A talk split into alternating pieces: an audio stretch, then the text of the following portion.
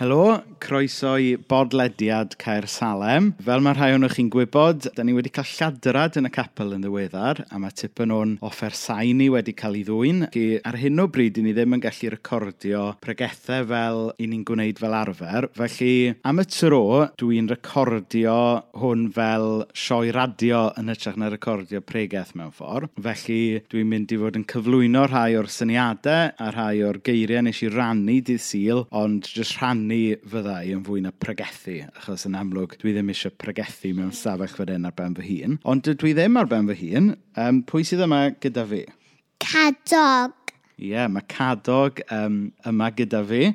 Mae'n Minister Monday, um, mae'n edw'n cysgu, ond mae Cadog fan hyn yn y swyddfa gyda fi. So, cyn, cyn bod dad yn sôn am be nath dad pregethu amdano, be, ne, be nes di'n capel di syl?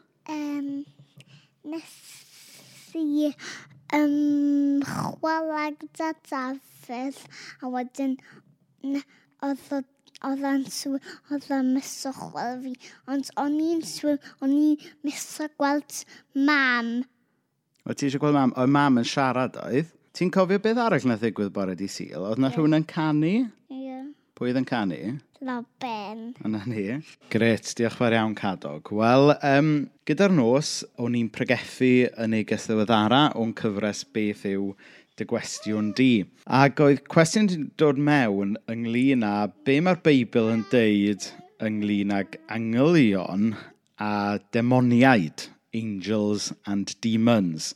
Cwestiwn diddorol, cwestiwn mawr, a cwestiwn o'n i'n falch iawn o'i ateb a nid dim ond achos bod gennau bregeth e, ar y pwnc wedi baratoi yn barod. Ta beth, falle bod chi ddim wedi clywed lot o bregethau am angylion. Dyw e ddim yn bwnc mae capelu yn ei drin um, yn aml iawn. Falle bod ni'n sôn am angylion amser doleg, um, e, maen nhw rhywsyd yn cael ei wylio allan amser nadolig, pan mae'r plant bach yn gwisgo lan fel angylion. Ond fel arall, da ni'n credu mewn angylion, ond da ni'n clywed lot o bregethu na negeseuon amdanyn nhw. A falle bod yna reswm da, oherwydd, so dyn nhw ddim yna i dynnu sylw iddyn nhw i hunain. Maen nhw yna i bwyntio ni at ddew, at Iesu, ddwn ni at hynna nes ymlaen. Ond be bynnag, pan o'n i'n dechrau paratoi y neges, o'n i'n edrych ar y llyfrau gyda ni yn y tŷ, a mae lot o lyfrau gyda ni ar y tŷ, mae fi lot o lyfrau ar yn iPad hefyd. A dyma ni un llyfr ynglyn â angylion oedd yn y tŷ, sef llyfr bach gan Billy Graham yn digwydd bod, y, y pregethwr enwog o America, um, Angels, God's Secret Agent.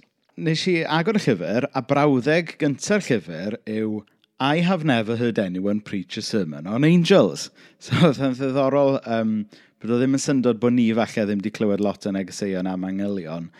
Um, os oedd Billy Graham hyd yn oed ddim wedi clywed llawer o negeseuon am angylion. Felly, da ni mewn cwmni da mewn ffordd. Ond um, mae angylion a, a just y, y, y gred mewn angylion yn rhywbeth eitha poblogaidd. Um, mae'n rhan o ddiwylliant poblogaidd. Um, Os i ni jyst yn meddwl am y peth, falle yn debyg i fi bod bo chi wedi cael eich magu yn y 90au, un o feddylwyr mawr yr oes uh, sgwennodd yr geiriau yma. I sit and wait. Does an angel contemplate my fate? And do they know the places where we go when we're grey and old? Because I have been told that salvation lets their wings unfold So when I'm lying in my bed, thoughts running through my head, and I feel the love is dead. I'm loving angels instead. Wrth gwrs, dwi'n tynnu coes. Uh, doedd Robbie Williams ddim yn un o feddylwyr mawr yn hoes, ond mi oedd hwnna'n un o ganeuon mawr y 90au, Angels gan Robbie Williams, gafodd ei ryddhau yn 97. A chybod, mae'r geiriau yn lol llwyr a, a jyst yn rhyw, rhyw hash o, o syniadau sentimentalaidd. Ond mae'n gan boblogaidd a, a mae efallai wedi dod ar syniad o angylion um, i sylw pobl bydde ddim wedi meddwl am y peth cynt. Wedyn yn nes at adre yng Nghymru, mae yna gan wedi dod yn enwog iawn dros y blynyddoedd dwytha. Dwi wedi bod mewn sawl uh, crebrwng le mae'r gan wedi cael ei chwarae, hyd yn oed cael ei ganu. Um, a dwi'n siarad wrth gwrs am y gan anfonaf angel. Hywel Gwynfryn, dwi'n meddwl sydd wedi sgwennu'r geiriau, Robert Arwyn, wedi sgwennu'r cerddoriaeth. Ag, um, ond wrth gwrs, made famous gan Rhys Meirion. A mae'r gan yna hefyd, um, hynny, mae'n ma gan sy'n golygu lot i lot o bobl a, a dwi'n parchu hynna, dwi'n eisiau chwarae lawr ar y gan. Ond eto mae yna lot o syniadau eitha sort of niwlog, sentimental ynglyn â beth yn union ydy angylion, beth yn union yw i rôl nhw yn y gan. Ac mae hwnna'n dangos rili really bod y syniad o angylion yn benodol y syniad o Guardian Angel yn syniad mae pobl yn hoffi. Ac felly fel Cresnogion, Felly dylen ni fod yn siarad mwy ynglyn â angylion. Achos mae angylion, maen nhw'n dangos i pen yn y Beibl yn aml a maen nhw ar ôl bwysig yn y frwydr ysbrydol ac yn y reality ysbrydol. So, pwynt cyntaf dwi eisiau gwneud ydy dweud fod angylion yn real. Dydy angylion ddim just yn rhyw syniad sy'n perthyn i fyd ffantasi. Neu dydyn nhw ddim just yn rhyw syniad tylwyth teg. A dwi jyst am rannu dau stori sy'n darlunio y modd mae angylion gobeithio yn rhywbeth go iawn sy'n torri trwyddo mewn i'r un byd naturiol ni yn fwy aml na da ni falle'n gwerthorogi. Na mae'r stori cynta yn dod o lyfr Billy Graham. Oedd ganddo fe hanes rhyw genhadwr o'r enw John Patton. Oedd John Patton a'i deulu um, yn genhadon ar yn ysoedd y New Hebrides, neu fel mae'n cael ei adnabod gan y brodorion a phobl heddiw uh, Vanuatu, sef um, clwstwr o ynysoedd um, i'r gogledd ddwyrain o Australia. Oedd John Patton a'i deulu, un noson, dyma yr, y brodorion yn codi fyny yn ei herbyn nhw. Ac yn ôl yr hanes, oedd yna ddegau os nad cannoedd o'r brodorion yn mynd tuag at i tŷ nhw gyda ffaglau tân yn barod i losgu uh, tŷ John Patton i'r llawr a, a, ac yn y gobeith fysa nhw'n lladd John Patton a'i wraig a'i blant. So wedyn y noson yna, mae John Patton a'i deulu yn just yn hygio ei gilydd yn y tŷ yn gweddio y byd dew yn cadw nhw'n saff, er bod nhw yn meddwl bod y diwedd wedi dod. Ac yn wir, dyma'r bore'n dod, A oedden nhw'n saff. Doedd y, y brodorion ddim wedi llosgu y tir llawr a ddim wedi creu niwed iddyn nhw a ddim wedi lladd nhw. Nawr, rai blynyddoedd yn ddiwedd arall, fe ddath chief tribe y brodorion yma i gredu yn Iesu Grist. A dyma John Patton yn gofyn iddo fe, pam nes di a dy gyd, um, dy gyd frodorion adeil llonydd i ni'r noson yna? Oedd e'n ddigon hawdd i chi just Gael gwared ohono ni, llosgyd tir llawr, gael gwared ohono ni a cario ymlaen fel oeddech chi. Be nath wneud i chi droi rownd a gadael ni fod yn oson yna? Ac yn ôl yr hanes, mae'r chief yma yn edrych ar John Patton yn dryswch ac yn dweud rhywbeth fel, wel, oherwydd yr holl ddynion cryf yna oedd gyda ti o gwmpas y tŷ yn damddiffyn di. Oedd dim chans dyn ni ymosod arno ti tra oedd yr holl um, ddynion cryf yna yn gylch o amgylch y tŷ. Ac wrth gwrs, doedd dim security guards gyda John Patton. A'r moment yna, dyma John Patton yn sylweddoli fod Dyw wedi ateb i gweddi'n o'r noson yna a bod e, mae'n ymddangos wedi denfon rhyw fath o guardian angels i edrych drostyn nhw. A mae llyfr Billy Graham gyda llaw yn, yn llawn um, hanesion tebyg i hyn. Iawn, mlaen at yr ail sori. Yr ail sori'n sori fwy personol. Pan o'n i'n ddeunaw, uh, nes i basio prawf gyrru. Ac um, ges i'n fagu'n Comins Coch, y pentre jyst tu allan Aberystwyth. Ac i chi sy'n gyfarwydd gyda'r ardal yna, jyst ar ôl chi basio Comins Coch ar y ffordd fawr a mynd tuag at Bow Street, mae'r mae yna allt yn mynd lawr, a wedyn mae yna droiad sydyn dan pont reilffordd. So o'n i'n gyrru lawr y ffordd yna ar dipyn o speed. Dwi ddim yn gorau ond o'n i'n mynd 60, mae'n siŵr. A wedyn yn sydyn reit, dyma fi'n clywed rhyw fath o lais yn dweud stop. A wedyn dyma fi'n arafu lawr, a wedyn mynd yn araf tuag dan y bont yr rheilffordd, a just ar ôl y troiad siarp, mi oedd y traffig wedi dod i stop llwyr. Nawr, tas fi heb glywed y llais yma, beth bynnag, pwy bynnag oedd y llais yma, bydde fi wedi mynd i gefn y traffig yna, 60 milltir awr wedi cael damwain ddifrifol, a pwy a wyr os bydde fi yma i ddweud yr hanes heddiw. Nawr, ar y pryd nes i ddim meddwl dim am y peth, a, a, a hyd yn oed heddiw, allai ddim dweud, chybod, i sicrwydd, o oh, ie, yeah, Dyw nath anfon angel i ofalu amdano fi. Ond o edrych beth mae'r Beibl yn dweud ynglyn â bod Dyw yn danfon angylion i ofalu ar yn hôl ni, dwi'n hoffi meddwl bod hwnna'n un esboniad posib bod angel rhywsys wedi cael ei ddanfon gan ddewa wedi dweud stop, wedi dweud wrthau arafu i lawr.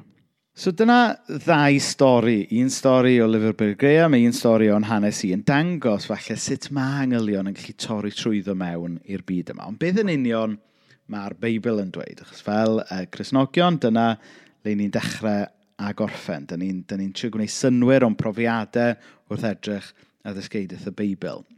Nawr, yn Salm 91, llyfr sy'n reit yng nghanol y Beibl, um, llyfr o farddoniaeth yw e, um, ond llyfr sydd yn cyfleu gwirionedd i ni gan ddew. Nawr Salm 91, adnodau 11 a 12, mae'n dweud fel hyn. Achos bydd e'n gorchymyn i'w angylion dam ddiffyn di ble bynnag wyt ti'n mynd. Bydden nhw'n dyddal yn ei breichiau fel na fyddai'n taro dy droed ar garreg. So mae'n dweud fyna yn Salm 91 fod Dyw yn gorchymyn angylion i ofalu amdano ni. Nes mlaen wedyn, Salm 103 adnod 20, mae angylion yn cael ei galw yn rhai cryfion. A mae hwnna falle yn chwalu lot o myths sydd gyda ni ynglyn â angylion. Pan, pan da ni'n meddwl am angylion, da ni'n meddwl am bethau bach fluffy gwyn uh, sydd yn tyrof, chwarae'r delyn a'r gwmwl neu, neu falle mewn pasiant y plant amser nadolig. Ond, ond salm, salm 103 maen nhw'n cael eu galw'n rhai cryfion. Y peth nesaf dwi eisiau dweud yw bod angylion yn bethau sydd wedi cael eu creu gan ddew, ond bod nhw ddim wedi creu ar lun adelw dew.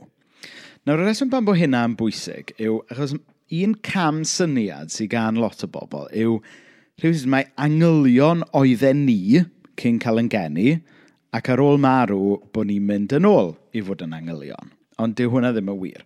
Mae ma, um, bodau e dynol a bodau e nefol fel angylion yn ddau beth um, gwahanol. Um, wedyn y peth nesaf, o'n i eisiau dweud, oedd bod angylion yn atgoffa ni fod y byd anweledig yn real.